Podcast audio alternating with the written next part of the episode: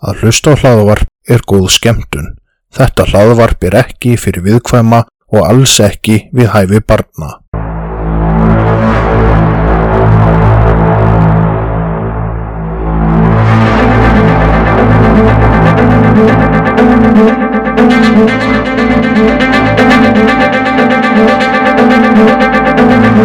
Þetta hlaðvarp er hluti af IK Network. Góða skemmtun. Góðan, dag, góðan, góðan, góðan dag, já, góðan, góðan, góðan, góðan daginn. Góðan daginn, velkomin í Hvað ætli sé að? Það sem algengasta spurningin er, hvað ætli sé að mér?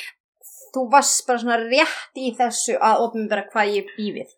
Uh, já, gleði og hamingu. Og mikið af því. Mikið af gleði ég. Má fylgja því að höfundu textans er Jokan. Ok, Já, hann samtið þennan texta. ok. Mm Hérna, Þegar hann kom alltaf í vinnuna, þá var alltaf góðan, góðan, góðan dag, góðan, góðan, góðan dag. Alltaf úberhress á því. Og þeir sem að þekkja Jokan vita hver það er. já, en sko, mér finnst þetta alveg gaman í vinnuna eða eitthvað. Af því þá get ég farið heim. En ég kem heim í þetta, ógæslega þreytt og eitthvað. Geðvon. Sem það bara vennilegu dagur hjá þér. Geðvond og Já, þreytt. leiðileg og Nei, nei, ég er nú, ég er nú ekkert alltaf geðvon, ekkert alltaf leðileg. Nei, aðalega á kvöldinu um helgar. Stundum yfir daginn líka. Nei, ég kapna næst í hórna mér. Já, Herðu, herðu, já, við ætlum að taka þessa föstu dagskráliði, var það ekki? fyrir ekki það, hvað heitir þú? Ég heiti Telma, Sæl Telma Brynjar, Seltrinjar. blessu, gaman að hitta þig. Hérna voru einhver osta illverk í vikunni. Uh, ekki opinber, nei, ekkert sem ég tók eftir, en náttúrulega senasti vinningsafi af ostamóringi vikunar er bara vel til þess fallin að vera aftur ostamóringi vikunar því að hún er skelvileg að skera ost. Ok, Herru, spurning dagsins á þig. Já, Ég búin að gleyma henni, en hún er að koma aftur hérna, já, þegar þú ert ein heima, mm hvað er svona það sem þú vilt helst gera?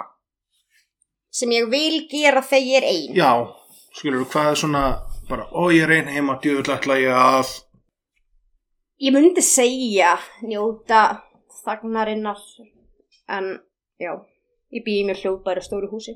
mm, Ég veit það ekki. Mér finnst rosa gott að prjóna og já, ég er eiginlega bara, ég er eitthvað heima, maður er bara að taka til og eitthvað. Alltaf maður sé ekki kannski bara, kannski er það stundum að syngja þegar ég bara einn. Mér finnst það búið gaman. Ok, syngur þú mikið þegar þú ert ein heima? Já, svolítið. Ok, magnað Mhm. mm. ég, vissi, ég vissi það ekki út af því ég er ekki heima því að þú ert ein heima Ég veit hvað þú gerir þegar þú ert einn heima. Hvað? Þú leggst í sofan, Já, setur plötufónin já, og botnar upp í, sko, langt yfir mörk hirtnaskerðingar. ja, svona innan sam...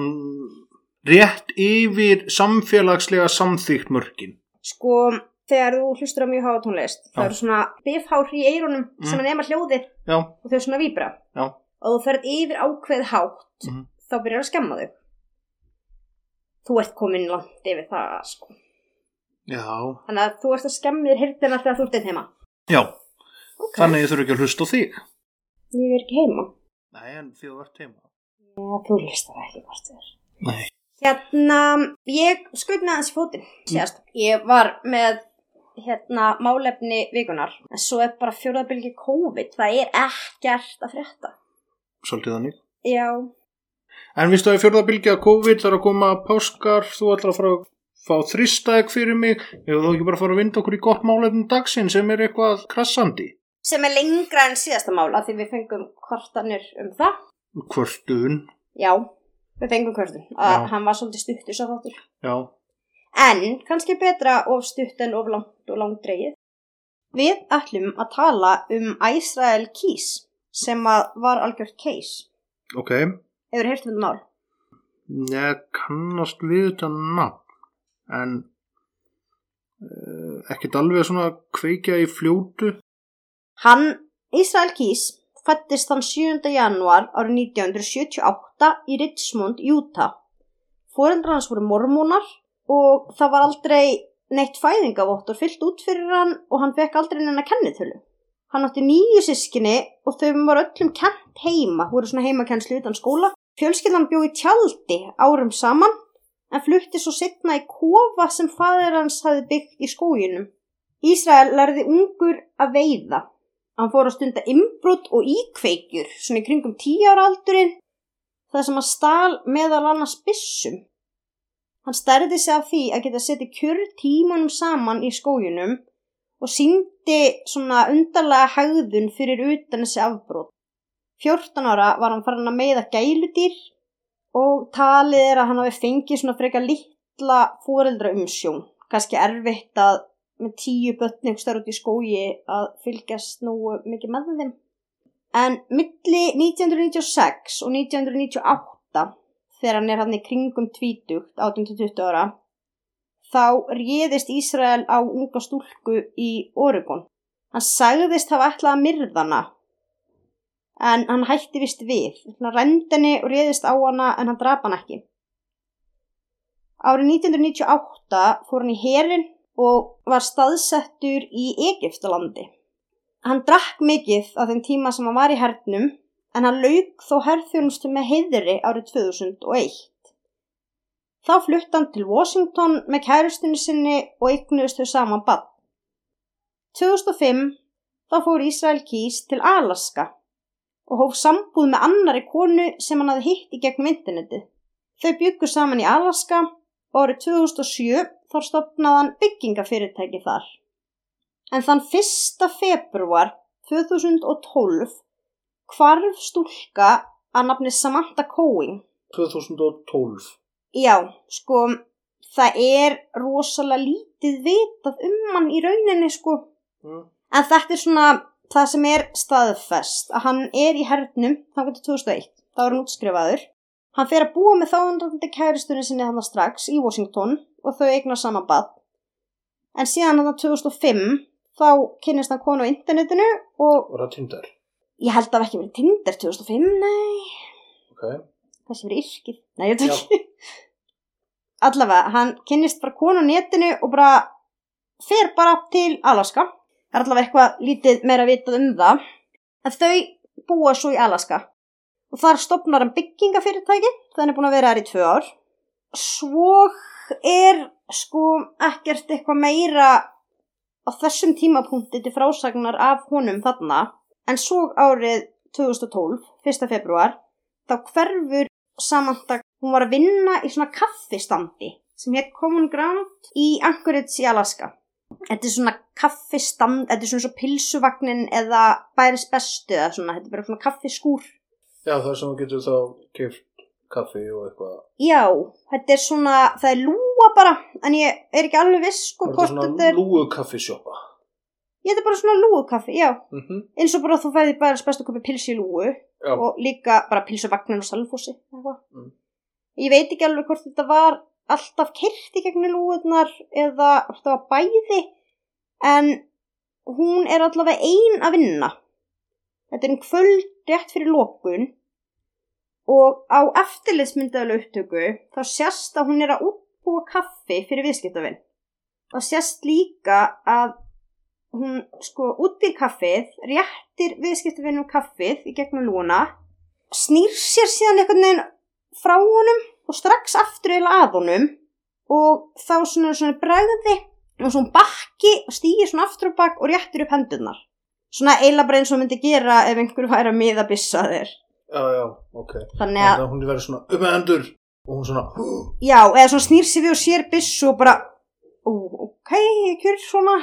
Síðan þá sést bara hvað hún slekkur ljósin. En hún ítir ekki á paniktakkan sem er alveg við ljósrófan. Þannig að hún ítir bara á ljósrófan en ekki paniktakkan. Síðan sést bara að maður kemur klifrandi inn um lúuna. Hann greinilega segir henni eitthvað hvað hún á að gera því hún sest einhvern veginn á gólfið. Og það er svona einhvern veginn eins og hann sé eitthvað að ræða eitthvað við hann held ég. þetta sést samt rosalega illa þannig að og slökkvöld ljósinn þannig að þetta er svona ógreinilegra en síðan sést bara hann á annari myndavél að þau fara saman út af staðnum þau fara inn í einhverja bifrið en það sést ekkert númerið á henni að því að bílnum hefur verið lagt sko svolítið frá þannig er ekki minn. Það er ekki sést samt að þau fara í bílinn. Hvort það sjást bara þá ljósin að kerja í burtu eða ég er ekki alveg með að hreinu hvernig þetta var, ég sá ekki þessa myndavél upptöku Ok, þannig allavega sást eitthvað þannig að það var vitað að grunað um að þau hafi farið í bíl. þau sjást saman. Já, lappa á bílaplaninu. Já, og svo minnum þetta hafi verið þannig að það sjáist í ljós eða eitthvað það keiri bíl í burtu. En hann er ekki alveg í mynd þú veist, Mm. þú sérði ekki númeraplutur en eitt hannig þannig að það var eiginlega ekkert hægt að þú veist, það var ekkert á þessum tímapunkti sem gaf til kynna hver þessi maður væri. Ok. það sést bara hann prílar hann inn, hún slekkur ljósin og þau fara saman út. Og hann er með byssu pottitt með svona viðbröðin hennar. Og þegar að ég sá sko klippu þar sem þau eru að lappa fyrir utan. Ég sá bara ekki nákvæmlega hvar bíllinn ég sá svona þau eru að lappa frá kaffestandinum og þá er hann svona, svona sem hendina við baki á veginn. Þú sérði ekki byssu og þú veist þetta gæti verið svona jæja komdu eitthvað svona að taka upp baki á henni eða hann gæti verið að svona haldið ykkur í um hana með annari og byssuna í já, hinn ykkur neginn. já, þetta var eitthvað svona maður sér alveg að hann er að fara með hana út. Ok, það er mjög greinilegt þegar maður hefur séð áður að hún slekkur ljósin og er svo sem með á hana byssu og eitthvað kemur inn um lúuna og er séð alveg svona einhvern veginn eins og að sé að íta baki á henni og leiðin út. Já því náttúrulega ef þetta væri ykkur vinnur eða vinkona þá náttúrulega myndu þau væntalega koma inn um hurðina þá sem að starfsfólki notar eða eitthvað þannig. myndi öruglega ekki láta hann að slökka ljósin klifra svo inn og pína hann alltaf að sitja á gólfinu. Nei, En síðan þá kemur maðurinn aftur eftir að þau fara saman. Þannig að hann hafði snúið við og sótt síman hennar inn í kaffestandin. Hann sendi skilaboð úr símanum hennar á kærastan hennar og vinnuveitanda og segir bara að þetta hefur erfið dagur og hún ætla bara að fara eitthvað í burtu yfir helgina. Hann fór síðan með hana í skúr á lóðunni hjá sér þar sem hann batt hana og skild hana eftir. Hann sagði henni að hann myndi drepa hana ef hún myndi öskra og hækkaði í tónlistinni eftir að hann hafði komið henni fyrir í skúrnum. Þá fór hann sjálfur heim til hennar og náði í debitkortið hennar en það hafði verið í bílnum hennar sem var lagt á planinu fyrir utan heima hjá henni. Þannig að hún hefði ekki verið á bílnum í vinnunni og ekki verið með korti með sér. En kærastinn hennar, hann sá hann og hann fór að ná í hjálp en þegar hann kemur tilbaka með eitthvað með sér þá var hann bara horfinn. Hann sneri aftur heim í skúrin sem var á lóðin hans og misnotaði samantu og myrtana að lókum. Eftir það sett hann líkið af henni inn í ská og fór svo inn í hús þar sem kærastan hans og dóttir voru. ok, Eh, það er mjög þótt að ef ég fæði að sletta, disturbing. það er svakalegt sko að því að hérna þá ímyndaði sko hann fer með hana og þetta er bara eitthvað svona geimslu skúra eða eitthvað held ég á lóðinni. Hann bindur hana og skilur hana eftir segir bara eitthvað og öskrar þá dreipið þig og svo bara fer hann eitthvað og brýst henni bílinn hennar að segja debitkort og eitthvað og kemur svo bara aftur. Og greinilega kærast hann og dóttir hans bara heima og það er eins og þær einhvern veginn vita ekkert um þetta þú veist. Já, mjög spes. Mm En það er ekki einu sinni sko, þetta er ekki einu sinni orðið spes með það sem á eftir að koma sko. Ok, hvað kemur þú eftir? Herðu, já, hann var sérst búin að tróða líkinu hann bara inn í skáp í geimsluskurnum og svo skrappa hann bara til Texas, fór þaðan til Louisiana, þar sem hann fór í karabíska siglingu. Ok, þannig að hann hefur farið í kvíldarinnlögn eftir glæpin. Ég held að hann hafa bara átt þessa karabísku siglingu bóka en mér finnst þetta vola skríti sko því hann fer síðan úr karabísku siglingunni aftur til Texas þar rænir hann banka, brýst inn í hús og kveikir svo í því. Ok, Þannig að það er eins og sko kærastan hans og dóttir hans sem hafa bara ennþá verið heima í Alaska og meðan hann fer bara hann einn í einhverja karabíska siglingu og fer svo að reyna að banka og kveiki húsum og stunda innbrót Já, þetta allavega hljómar allt mjög sérstakt. já og líka því að þetta var dóttir að svo fyrirsambandi Já, ok. Þannig eftir hann kom úr hernum. já Ok. þannig að ég er spáð, þú veist, skildan hann alltaf bara eftir hjá, svo sem ekkert að hún hafi verið eftir hjá stjúpmömmu sinni en ef þetta var samt dóttir svo fyrir sambandi þá held ég að hún hef ekki búið hjá honum. Og þá kannski svona skrítið að nota ekki tíman með henni fara bara, myrðið einhverja gellu skreppi í siglingu, veist. Ekki nema hún hafi verið farin aftur til mömmu svona, maður veit ekki, þetta er mjög skrítið allt sko. Já. En hann kemur síðan bara tilbaka frá Texas aftur til Anchorage í Alaska. En þá vantaði hann nú auð. Þetta bankarán og þetta inbrót hefur greinilega ekki dugað honum þannig að hann sækir líkið af henni í skápin. En það var vist ekkert byrjað að rotna átt að væri búið að vera að njörgla tvær vikur eða eitthvað allavega og það var svo mikið frost það var bara eitthvað svona óupphittaðu skúr í Alaska um vetur Já, já, þannig að það hefur basically, já, frosnað og þannig að rótnunarferðlið er ekki farið í gang. Nei, nei, virðist ekki vera sko því þetta er, hún hverfur hann á 1. februar Mm. Og hann skilur hana síðan eftir hann í skúrnum og hann fer í siglingu og allt þetta en hann já, hann tekur hana úr skápnum og það er einhverja heimildir sem segja hann hafi nöðgað líkinu sem var frosið Oi. Já, en það er samt ekki allstar, það ber ekkert öllum saman um það, þannig ég er ekkert viss um hversu rétt það er. Ok. Og ég hef rosalega mikla þörf til að komast að því hvað er rétt. Eins og, kannski þú veist. Já, pínu. Þannig að ég fór svolítið langt með þessa pælingu. Kannski lengra en margir myndi gera. En svona fræðilega séð, gætir þú nauðga frosnu líki? Er það að spyrja mig að því? Já, Og það ég er svo mikla sérfræði þekking á því. neða þú ert með teipni fyrir ekki. Uh, nei, það ætti að vera mjög erfitt því að ef hún er alveg gegn fríðin þá náttúrulega vikar ekkert og náttúrulega kuldi og bibbo fara ekki vel saman. Nei, ég er að segja að hann hlíti að skreppa bara alveg saman í Já. kuldanum, mm. Mm. blóðflæðið að því æðurna Já, þrengjast já. og einmitt það frosi, þú veist, að, í svona ímynda er, þú veist, það verður bara eitthvað svona stinga teipinu í frosna kjúklingabringu eða eitthvað, þú veist, þetta, Mm. Nei, já, það ætti að vera mjög erfitt. já, ég sem sagt velti það þess fyrir mér. Hvað er það að draga mig í svona viðbjóð?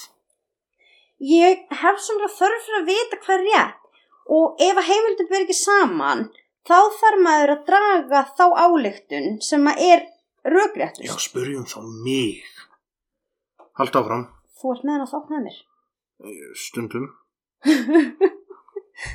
Ok, en saman hvort hann nöðgaði líkinu frosnu eða ekki, þá hefur hún allavega greinilega látið það eitthvað þiðna því að hann setti málingu á það. Hann málaði hann í framann. Já, sem sagt konumálingu, ekki mála veggjumálingu. Nei, hann setti málingu á hana. Já, ok. Þannig að, já, ég var að bara koma að. Farða. Já, þetta hefði samt alveg komið og lift mér. Já, fyrir ekki þau.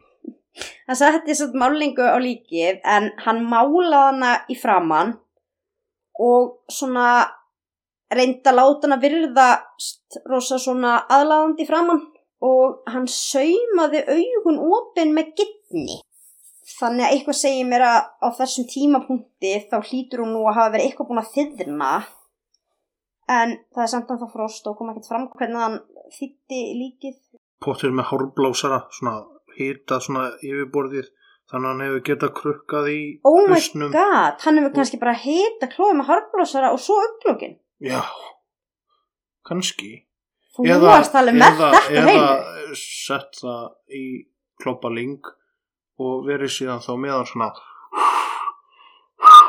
á augun. Já, hann hefur þýtt klóið með harblósara. Æ, hættu, hættu, nei, nei, nei, telma, telma, telma, við erum að fara, við, við erum að fara of ógeðslega í, halda áfram með þetta. Þú varst með þessu útskýringu. Nei, halda áfram. Ertu eitthvað viðkomur að stund? Fyrir náriðlum, eh, já, svona, mér finnst það frekar ógeðslegt. Við erum bara að tala um þetta fræðilega. Þetta var ekkert fræðilegt við þetta sem að ég sagði. Jú, þetta er fræðilegt. Þetta væri mögulega hægt. Nei, það hei. En hérna, hann sem sagt já, saumaði uppklokkin upp með gittni. Mist hann vel að frekar meira til störping, sko. Hei. Benni, Já, varst þú að sjá þetta svona myndrænt fyrir þér sem að hann væri svona með hálfblósara á líkinu? já, þess vegna var ég að leika það eins og hann var í svona blása á auglógin. Já, náttúrulega hlustendur sá ekki leikrænu tilþrifin, sko. Nei, þau hyrðu blásturinn. Já, ég var að hugsa um þetta sem svona fræðilega, ef þetta væri bara kjúklingabringa eða eitthvað. Já, ég, nei, ég var að hugsa um þetta eins og þetta væri hvern mann sköp, hárblásari og auglók. Já, þú mátt ekki minnskreita sko svona akkurat, þá missir þú svolítið þólið fyrir viðbjöðu. Nei, ég er með mikið þól fyrir viðbjóði en, en eins og ég sagði, náriðlar, það er ekki my thing. Ef viltu þetta eitthvað meira? Nei, nei, Ok, en sem sagt þegar hann var búin að sauma augun á henni opinn með gittni, þá tók hann mynd af henni á dagblæði. Það sem dagsetningi síndi 13. februar. Þetta var svo vel gert hjá honum að löggan gata ekkert ákvarðað hvort hún væri lifandi eða ekki út frá myndinni, sko. ok, Þú veist, það var ekkert að sjá að hún væri látin á myndinni, ekki einu sinni lögreglan. já, En hann fór fram á 30.000 dollara lausnagjald sem er eitthvað, ætla að sé, kringum 4 miljónir íslenskar sem fjölskyldan hennar samantu sapnaði með hjálp bara samfélagsins, þú veist, það voru brækningar og vinnir og nágrannar og allir sem tippuð inn. Hann skildi sem sagt eftir myndina í svona sikkpoka undir hverjum bekk eitthvað staðar og eitthvað og gatt þannig komið henni áleiðis og lausnagjaldið það var sem sagt millifært inn á þetta debitkortuna samöndu sem hann hafi verið að hafa fyrir því að ná í. já, ok, það er sniðu plansa. Já, ég myndi býða aðeins með það. Já, ok, ok, En þegar að hann var búinn að fá þetta millifært þá bútaði hann nýður líkið held ég. Og Nei, hvort hann er, ég maður ekki. Hann flutti það allavega að Matanuska vatnin í Alaska þar sem hann sagaði gat í ísinn með keðjusög og losaði sér við líki í gegnum vögina. Mér finnst endilega eins og það hafi verið í pörtum. Því næst, þá flög hann bara til Nevada, tók bílalögu bíl og kerið til Arizona, New Mexico og Texas. En bílinn náðist á mynd. Hann var sett að taka út sko úr hraðbanka, peninga á öllum þessum stöðum, held ég. Allavega í Arizona, New Mexico og Texas og hann var alltaf grímu, þú veist, á hraðbankamyndaðilunum.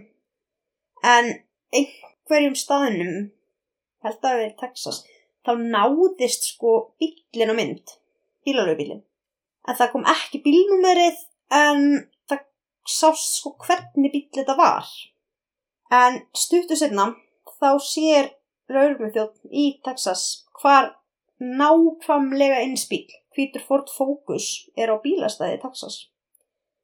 Löggan eldir hann heilingi, nær svo stoppan fyrir hraðakstur. Og þá kemur í ljós að aukumæðurinn með aukuskirtinni frá Alaska. Þetta er mjög áhugavert og það var ekki bílnúmer, það var engin lýsing á Israel Keys og hversu margir hvítir Ford Focusar allir séu í Texas. voru þá lögreglan í Alaska búið að láta vita af, þeir voru að leita af út af kortunum og hraðböngum og voru þá búin að láta vita í Texas að þetta var í mögulega ykkur gerandi í afbroti þar. Já, þetta verður sko FBI-mál held ég að því að hún hverfur í einu ríki Mm. og það verið að taka út peninga í öðrum ríkjum sko. Þannig að það hefur ekki verið mikið um milliríkja blindu þarna. Það hefur verið Það- gott samstarf, vist það bara svona strax í kjölfarið að þá er bara búið að ná honum í Texas. En það er samt eitthvað stór undalegt við það sko, af því þú veist, þeir voru ekki með bílnúmer, þeir voru ekki með lýsingu bílstjórnum, ekki neitt. Mm. Og- Og... Fannst þá eitthvað í bílnum? Það er talið að hann hafi jafnvel bara verið stoppaður fyrir hraðakstur en aukurskýrtinni frá Alaska hafi svona kveikt ykkur um bjöllum hjá lögreglumannum. En þegar hann var stoppaður hann þá var leitað í bílnum hjá honum og við leitin að fundu skilriki frá samandu, debitkort frá henni, síminennar og skotvopn. Já, ok. Hann var síðan framseldur til Alaska þar sem hann játaði morðið en hann játaði líka önnur morð Hmm, sem að var ekkert verið að lita á hann fyrir. ok. Þannig að hann játaði á sig að vera raðmorðingi. Já, Jöp. En lauruglan hafði ekki hugmynd um það, vissi enginn hvernig hann var og var enginn að leta á hann sko. uh, ok, haldu áfram. Hann sem sagt var með mjög sérkennilega aðferð. Hann hefur röglega verið skipulaðasti ráðmóraðingi allra tíma sko. Hann var með herðþjálfun og hann var rosalega nákvæmur og með öll svona smáatrið bara á hreinu einhvern veginn. Hann var til dæmis þannig að hann var alltaf með þessam bílalegu bíla og var að fljúa um og svona. Hann var sem sagt með það motto að hann drap ekki í ríkinu sem hann bjói. Hann bjó í Alaska Mm -hmm. og saman það, Já, það er nefnilega málið sko.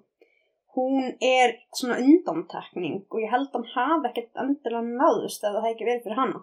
ah, ok, svona fyrstu mistökin þarna. Sko, hann sem sagt var, sko hann var það skipulaður að hann leitaði að stöðum til að myrða þá, ekki fólki til að myrða þá.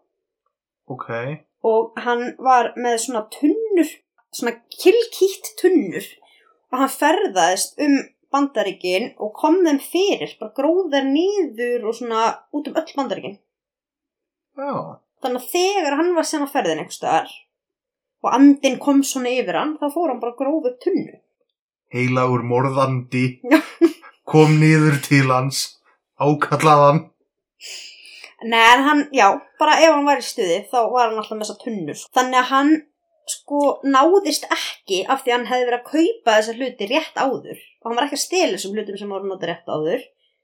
Og líka, þú sagðir að hann var mikið að fljúa. Já, en hann keifti þá aldrei á staðnum, þannig að hann flög kannski til Nevada, Mm. sem það, keifti kannski alls konar í tunnu, kerði síðan bara þúsundir míluna eitthvað annað og gróða hann niður. Já, samt líka sniðut út af því að þá, ef hann að plana að drepa ykkur staðar, að þá þarf hann ekki að fara með byssu eða eitthvað vopn í flug heldur. Nei, nei, nei, þetta er bara tilbúið Já, um já, öll bandaríkin. já, eins og segi, þannig að þá er hann búinn að vopn, forðast vopnaleit og annað. Þetta var alltaf svona stöðum það sem var hendt út að myrða fólk líka. Svona stöðum eins og hann fann fólk sem var í fjallgöngum, það var mikið svona afskektum stöðum þess að fólk var í fjallgöngum, kirkjugörðum og bara svona fáförnum stöðum svolítið. En það var líka ekki að það tengja hann við, hvorki staðsetninguna nýja fórnalöndin sko.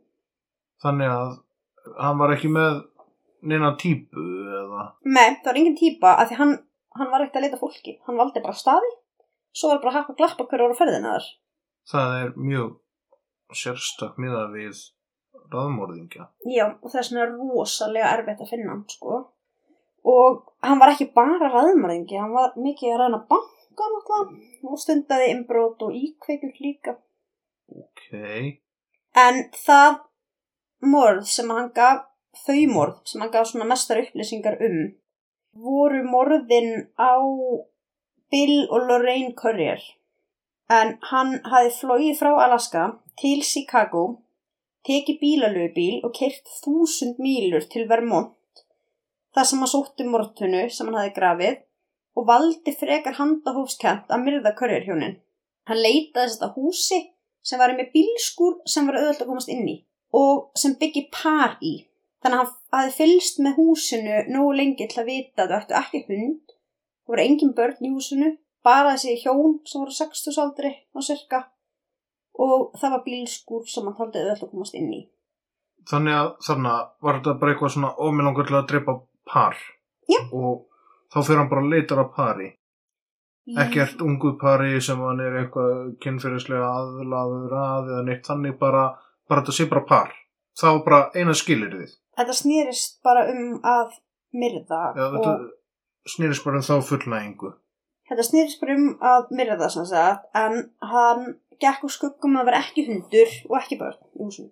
Hann ég veit ekki hvort það er áttu með par að það væri það bara fullori fólk allavega ekki börn ekki hundur. En ég held að þetta hefur líka snúist um sko að það skipta ekkert máli alltaf konur að kallar hann eftir hjá honum þó hann verðist bara hafa kynferðslega misnóta konuna sko. Hann gerði það alveg en þetta verðist aðalega snúa samt um að myrða það. Og sama hvort það voru frosin eða þýðin. Það er ekki alveg vitað sko. Það er ekki, það ber ekki öllum heimildum saman um það með frosna líkið sko. En hann var rosa skipulaður. Hann skar á símalínuna hefðum og bröstir í húsu og meðan þau sofu. Batt þau og rendi þeim. Fór með þau á þeirra bíl á yfirgefin sveitabæ sem hann hafði sko valið fyrirfram. Þetta var alltaf rosalega úthugsa hjá honum. Hann réðist á Lorraine í söfnherbyggi á efri hæð húsins á meðan Bill eiginmaðurinnar var bundin á neðri hæðinni. En hjónin börðist mjög harkalega á móti og Bill öskraði eftir eiginkonu sinni að slíta sér lausan. Þannig að Ísrael kýs var að fara aftur niður til að binda hann aftur og þá fór hann eitthvað að rífa kæft og hann endaði með að drepa hann bara og endaði svo líka að drepa Lorraine konun hans. Já. Hann sagðist að skili líkin eftir á sveitabænum en þau fundust aldrei sko. Það var leitað á svæðinu sem bærin var á í 10-12 vikur en það var vist búið að rífa húsið og svo var ekkert víst hann hefði verið að segja satt einu svona um staðsetninguna sko. Og hann gaf ekki nú miklar upplýsingar um önnur morð. En máli var eftir hann handtekinn. Hann fílaði rosalega mikið alla þessa aðtikli frá lögunni að þú skoðar upptökur af yfirheyslum yfir honum þá er hann bara svona eins og hann sé að koma fram á sviði. Hún finnst þetta ótrúlega gaman. Nema svona þegar hann þarf að tala um eitthvað ef hann þarf að tala um eitthvað sem tengist fórnalömbunum eitthvað þá fer hann bara leiðast. En svo þegar hann þarf að tala um hvernig hann myrtið og svona þá alveg svona hallar hann sér fram í sætinu og verið voða spenntur sko. Var það þá með þessi hjón, það var, hefur verið frásög frá honum um að hann gerði það eða, þau voru horfin. Og frásögnin hans passaði að einhverju leiti við gögn frá lauruglu hvort að hvernig að fara inn í húsið og eitthvað svona. Þannig að það er talið alveg 100% að hann hafi gert það. En sko hann gaf ekki miklar upplýsingar um allt. Hann gaf rosalega oft upp staði sem hann hefði myrt á en ekki nöfnum að fórnalömbunum og þetta voru oft rosalega óljósar upplýsingar. Ég hef myrt í New York ég hef myrt í Washington og það var öruglega það sem var vatn tré og kannski var einhverstað kirkja eða eitthvað álíka.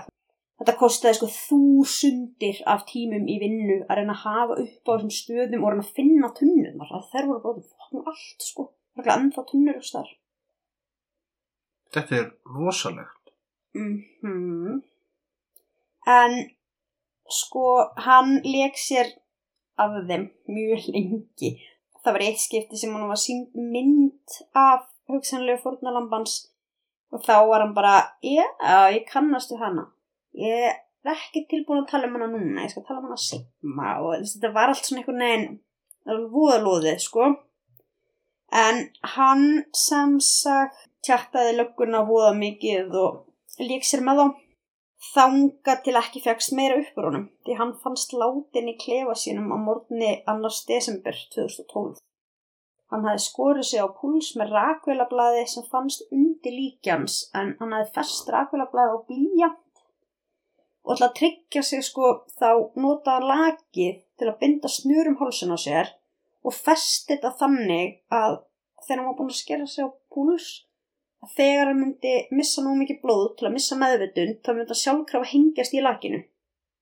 Ó, þetta er mjög úthugsað hjá honum. Hann var fáránlega nákvæmur einstaklingur, þú veist þetta er alveg bara í klefanum þar fundust myndir af 11 hauskúpum sem hann hafði málað úr eigin blóði Haha, Já, hann hafði dundað sig við það blasaður. Og sko, lauruglan er enn að leita að mögulega fórnalömbum og það er talið hann hafi myrt allir um hans og það er, sko, ég myndi hugsa að það væri rétt tala af því að hann vill fá kredit fyrir þetta, held ég. Ég, hann svona var þannig, þú veist, ég held hann sé alveg vilji fá kredit en hann vill samt ekki segja, þú veist, ég ger þetta bara og þetta búið. Það vill halda þessu svona lifandi, sko. En sumir segja að þessu færri, sumir segja að veru flirri en sko ef þau væru ekki allir þá myndi ég halda að vera fleiri og það hann ferðaðist ógæðislega mikið og hann var virkur svo lengi Hvað var hann virkur? sko fyrsta sinn sem maður ræðist á einhvern það er 98 Mm. ég held að fyrsta morðið er áætla að hafi verið sko eftir hann kemur hernum 2001 en mögulega hefur hann myrt einhvern í Egiptalandi það er ekki alveg vitað en hann er handtekinn 2012 Já, og þá er hann bara síðan 2001 búin að vera að standa í þessu ferðabrasi sínu sko. þannig að 11 pluss ár. Mögulega, já. Og sko FBI byrti yfirlitt yfir alla ferðinarnas og hefur óskað eftir því að þeir sem eiga hortna ættinga eða vini hafi samband við FBI. Þannig að þú veist, ef að fólk fer og sér hvernig hefur ferðast og saknar einhvers að það láti vita að það er rosa leiti í gangi ennþá núna, það var startað svolítið í desember, byrja aftur að leita. En hann sko ferðaðist til bara flestra fylgja held ég, allavega alla þessi suðuströnd sko, hann fótt í Mexiko hann fótt til El Salvador, Kanada og Panama, en hann flög oftast í Washington. Hann legði alltaf bíla og kerði þúsundir míluna í Washington er talið að hann hafi myrt fjórar manneskjur og var talið að hann bæri ábyrgð á morðinu á vendiskonu að nafni Debra Feldman. En það var sem sagt konan sem lögreglan hefði sýnt hann mynd af sem hann sagðist kannast við ef hann var ekki tilbúin að tjá sig meir um það. Og hún hvarf í New York á sama tímeila og að fram með bankarán og hann var þarna á þessum tíma. Ok, sko ég held eins og með hann hann náðist eftir að myrti náttúrulega hann Samantha í Alaska. Hann sagðist ekki hafa séð hana áður þegar lögreglan spurði hann en ég held að hann hafi séð hana áður. Af því að þetta er svo mikið frávik en er ekki hugsalegt að út af því að þú sagðir hann leitaðist eftir stöðum er ekki mögulegt að hann hafi séð þennan stað sem góðan vettvang fyrir glæp?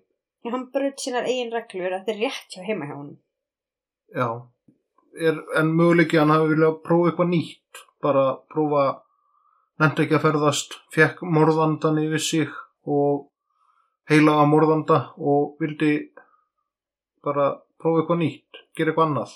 sko hann var að fara hann var að ferðast morgunin eftir sem hann fer og fer sem í þessa siglingu og eitthvað. Hann fer með hana heim í hennan skúr þar sem að sko kærastan hans er heima, dóttir hans er heima. Hann draf aldrei það sem hann bjó fyrir hann þarna. Og sko hann virtist einhvern veginn ekkert vera undirbúin með við hinn skiptin og þetta hljómar finnst mér svolítið sem hann hafi bara svona mistjórn á sér. Já, hann hafi bara mögulega síðan að fyrir um daginn eða eitthvað það hafi verið eitthvað við hana að því það verist ekki að vera staðsetningin eins og hinskiptum já, ok.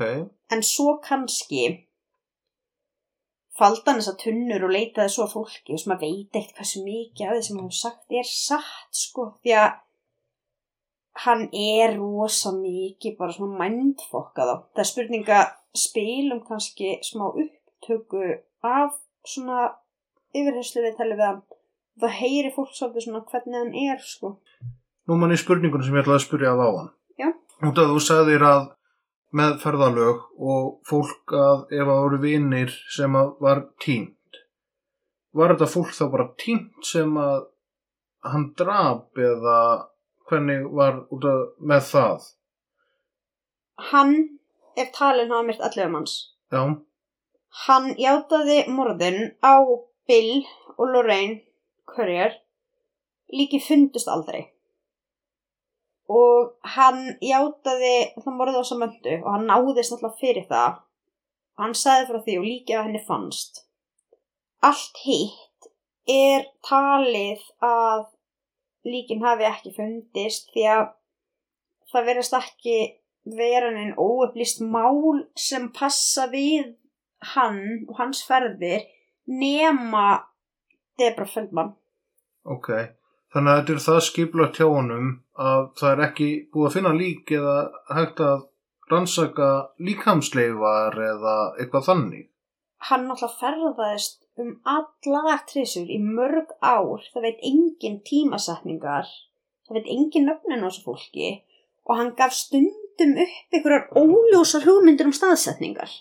Þetta er öll bandaríkin, þetta er sko Mexiko, þetta er Kanada, El Salvador, Panama, mögulega veist, það er eiginlega engin leið held ég fyrir þá að ljúka þessu sko. Hann er að fara að taka annað sæti hjá mér yfir uppáhalds ráðmórðingja. Hver er uppáhalds? Ed. Og svo kemur hann nummer tvö. Ed Gein eða Ed Kemper? Kemper. Já, Kemper er, já, er ekki hægt eða annan að hafa Kemper í uppáhaldi sko, en Nei, bara út af mér, þetta er svo magnað hvað skipulagt og eins og segi að hann sé að drepa og það er ekki hægt að finna neitt og að bara hérna viðurkennir á sig glæpi og löggan bara kemur á fjöllum og veit ekki hvað hann er að tala um og þurfa að fara eitthvað að leita og grúska í þessu og byrja eitthvað að ferði sama við missing files og svoleiðis. mm en svo hvarlaði að mér þegar ég var að skoða þetta mál, hvort þetta gæti verið eitthvað svona falskar játningar eða eitthvað svona hjá honum. En það virðist ekkert vera því að það er fullvist að hann hafi myrt Bill og Lorraine og hann gaf upp bara ótrúlegustu smáatriði sko. Þannig að hérna það verðist ekki vera líklegt en ég fann sko mjög áhugaverða greiningu á honum. Þannig að hvað var að Ísrael kýs? Samkvæmt Dr. Todd Grande sem fór yfir öll svona gögn í þessu máli þá vill hann meina að hann hafi verið með grind yfir meðalagi og andfélagslega passonuleika röskun sem er þá í rauninni bara siðblinda. Það var á, það sem áður hétt siðblinda er núna andfélagslega passonuleika röskun. Það er svona meira inn í því. Það er svona það er svona róf þar. Uh, hann greindan með substance abuse disorder. Ja, greindan. Þetta eru svona getgátur þessa sérfræðings sem fóri yfir allt um málið.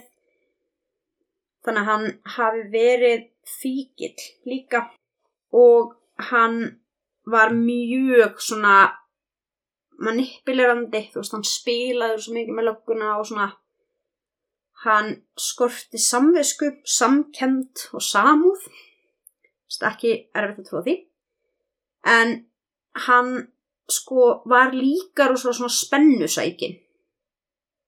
Hann tók ekkert, veist ábyrð á neinu, veist, hann hló bara og fannst þetta voða skemmtilegt að tala um þetta sko.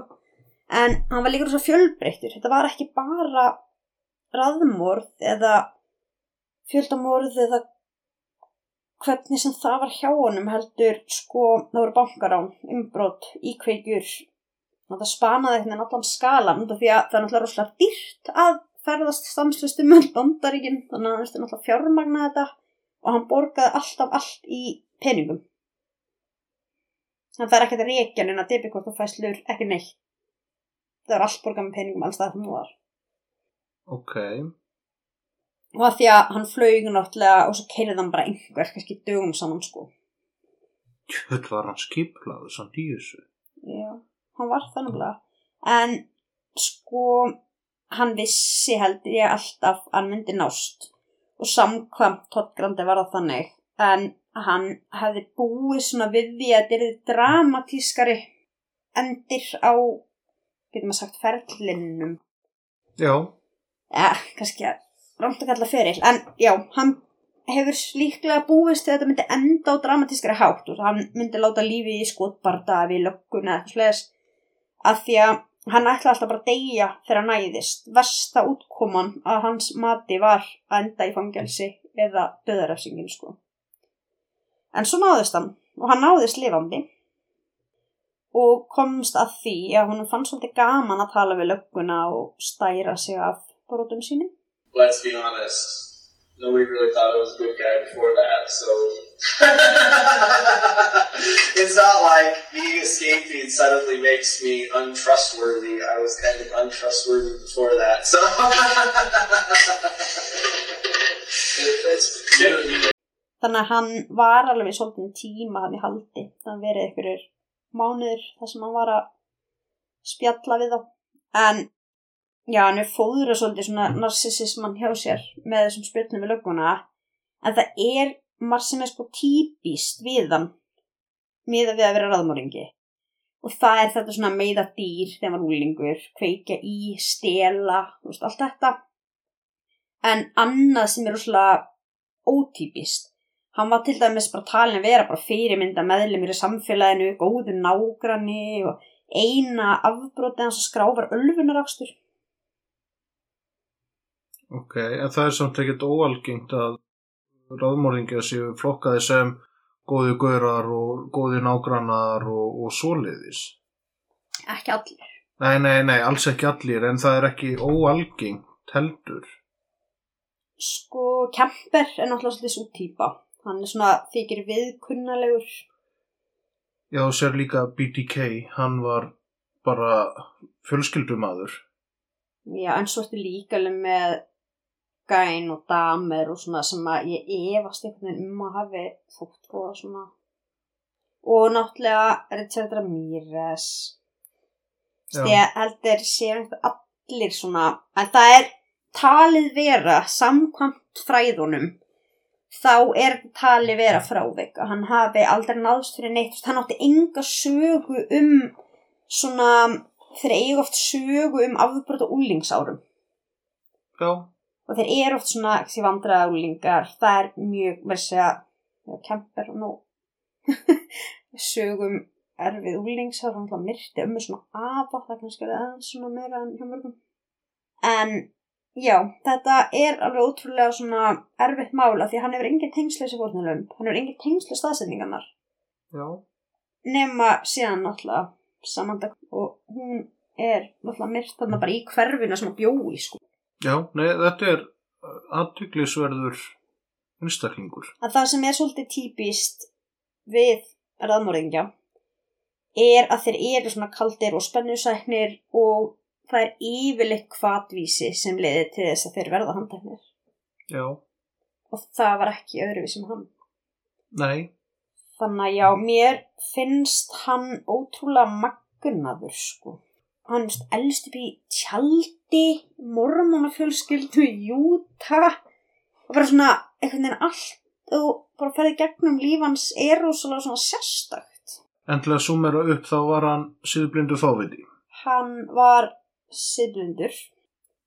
En hann sagði líka sko við þá þegar hann gaf þeim upplýsingar um morðin á Bill og Lorraine þá sagði hann að hann myndi gefa þeim þessar upplýsingar eða myndi ekki leika þeim í fjölmiðla. Svo lágu þær í fjölmiðla og hann var ekki ánægð með það sko því hann vildi stjórna hvað upplýsingar færi hvert og hvenar og hann gaf upp að hann vildi ekki að dóttir hans myndi lesmyndi blöðunum. Ég get svo sem alveg skilið það en samt var hann að koma með þessa konu sem hann rendi og misnóta okkur bara til sín, skilur Já, Þú það er mjög sérstakt. hún er alltaf fórnalampans og hann fer bara með hana heim og dóttir hans er þar. Já, bara í eitthvað skúra lóðinni þannig að mér finnst það mjög undarlegt og hérna ég líka ekkert viss um hann hafi verið eitthvað umhugað um að hann sjá hann sig endilega sko. Ég held að þetta hafi líka bara svolítið verið hann verist að hafa haft sjúklega þörf fyrir að hafa stjórn á öllu í kringum sig I'm getting a little bit ticked off. I told you from the get go before I told you where the freaking bodies were left. I told you that I didn't want the locals involved. The first thing you do is make a big scene. maður sér það alveg sko á þessum viðtölum ég var náttúrulega að hugsa um það af því að það er ekki algengt finnst mér að maður getur fundið heilu yfirheyslunar á bara YouTube sko Ok, en það er til dæmis 6 klukkutíma löng yfirheysla það sem er verið að yfirheyra Israel Kís bara á YouTube í heilsinni ok, þá veit ég hvað ég er að fara að horfa á eftir. ég er ekki búin að ná að horfa á allan 6 tímar sko en hún er áhugaverð. Mér finnst það svolítið áhugavert líka að hugsa til þess að hann vildi stjórna hvað upplýsingar færi og eitthvað svona að einhver hafi bara eitthvað ha ha, leika svo netið og stjórnar yngu Já, en ég sé það svona fyrir mér að það sé ástæðan fyrir að allt þetta efni fór á netið bara já. Þetta er mjög áhugaverður einstaklingur. Bara svona hvernig að náða að félita allt saman og, og ganga svona laus án þess að vera eitthvað eftirlýstur. að mér finnst þetta líka svo merkilegt er að það er rosalega lítið til um hennan mann Já, hann var náttúrulega, það vissi ekki hver hann var. nei, en hann næst 2012 þetta er mjög nýlegt mál. Já, ég vissi ekki af þessu máli fyrir fyrra sko. Og ég tala mér nú samt alveg vera svona frekar vel inn í alls konar svona málum að þú reynir að finna bara podcast sem fjallum þetta málið annað. Það er ekki rosalega mikið af þáttum eða fólki sem er tekið þetta mál fyrir fyrst mér. Chris Watts málið. Það er, er svolítið að taka það svo miklu meira fyrir nokkuð tíma þetta mál og hann sagði líka sjálfur í einn yfirheyslunni hann vildi ekkert að það væri að leka út að þetta færi bara, þú veist ekki hvað sagði hann, já hann vildi ekki að þetta væri eitthvað að leka út af því að vissum alveg hvernig fólk geti verið eitthvað obsessed á true crime og það geti bara endað einhverju sjónvarseríu eða eitthvað og hann gæti nú ekki hugsa sér það en hann náttúrulega komst í, í hvað allir sé að. já, Það er náttúrulega stór áfangi, stór sigur. Já, nokkið margir sem ákomist þanga En þá en, en þeim fyrir fjölgandi með hverri vikunni. já, vonandi fer hann bara fylgandi áfram en hérna, já það var bara, hvort það segir mér ekki bara gott, þetta er svolítið langa þáttur Er bankin tæmdur?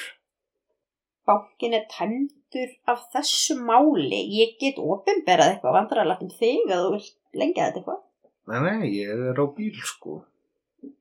Um, ef við þá ekki bara segja þetta gott og mæta aftur í næstu viku Næstu viku ef að við erum ekki skilin eða búið að drepa hvort annað.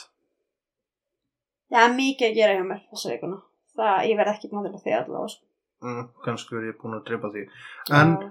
í næstu viku verður mjög aðteglisverðu þáttur.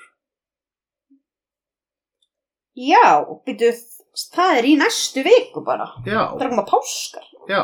já, fyrsti þáttur eftir páska verður spennandi Ég ætla að senda þig í frí. ég ætla að fá aðfæri frí Já, og ég er búin að plana telma mm magnaðan þátt fyrir þig. já, ég er spennt fyrir því Og ég ætla að fá leinigest. Ég er alltaf spennt fyrir því svolítið að fá svona seleb í hæsa. Já, heimsfrægan á Íslandi. Já, heimsfrægur einstaklingur á Íslandi og þetta verður gaman. Já, Fá mér segja lána annað stúdjó. Það verður ekki tekið upp í stúdjóstofu. þetta er það stór þáttur að við þurfum að færa okkur yfir í Leanbody stúdíu. Það verður eitthvað og eins og segi, ég hvet þig hlustandi góður endilega til að hlusta á þann þátt því að hann verður mjög aðteglisverður og spennandi. Já, líka því þetta er ekki bara svona eitthvað, bundið trú kræm. Það er alveg komið þarna sambandi við tónlist og alls konar vinklar að það í þetta. Jú, þetta verður magnað. Þetta verður magnað. Þannig að þú segir sjáumst í næstu viku og ég segi bara hlakka til þá. Og segir líka gleðilega páska. Já, gleðilega páska. Gleðilega páska og ef að þú ert ekki, ert að hlusta á þetta eftir páska þá bara góða viku eða eitthvað. Vonandi voru bara páskunni góða viku. Já, nákvæmlega. Herru, takk fyrir. Takk fyrir.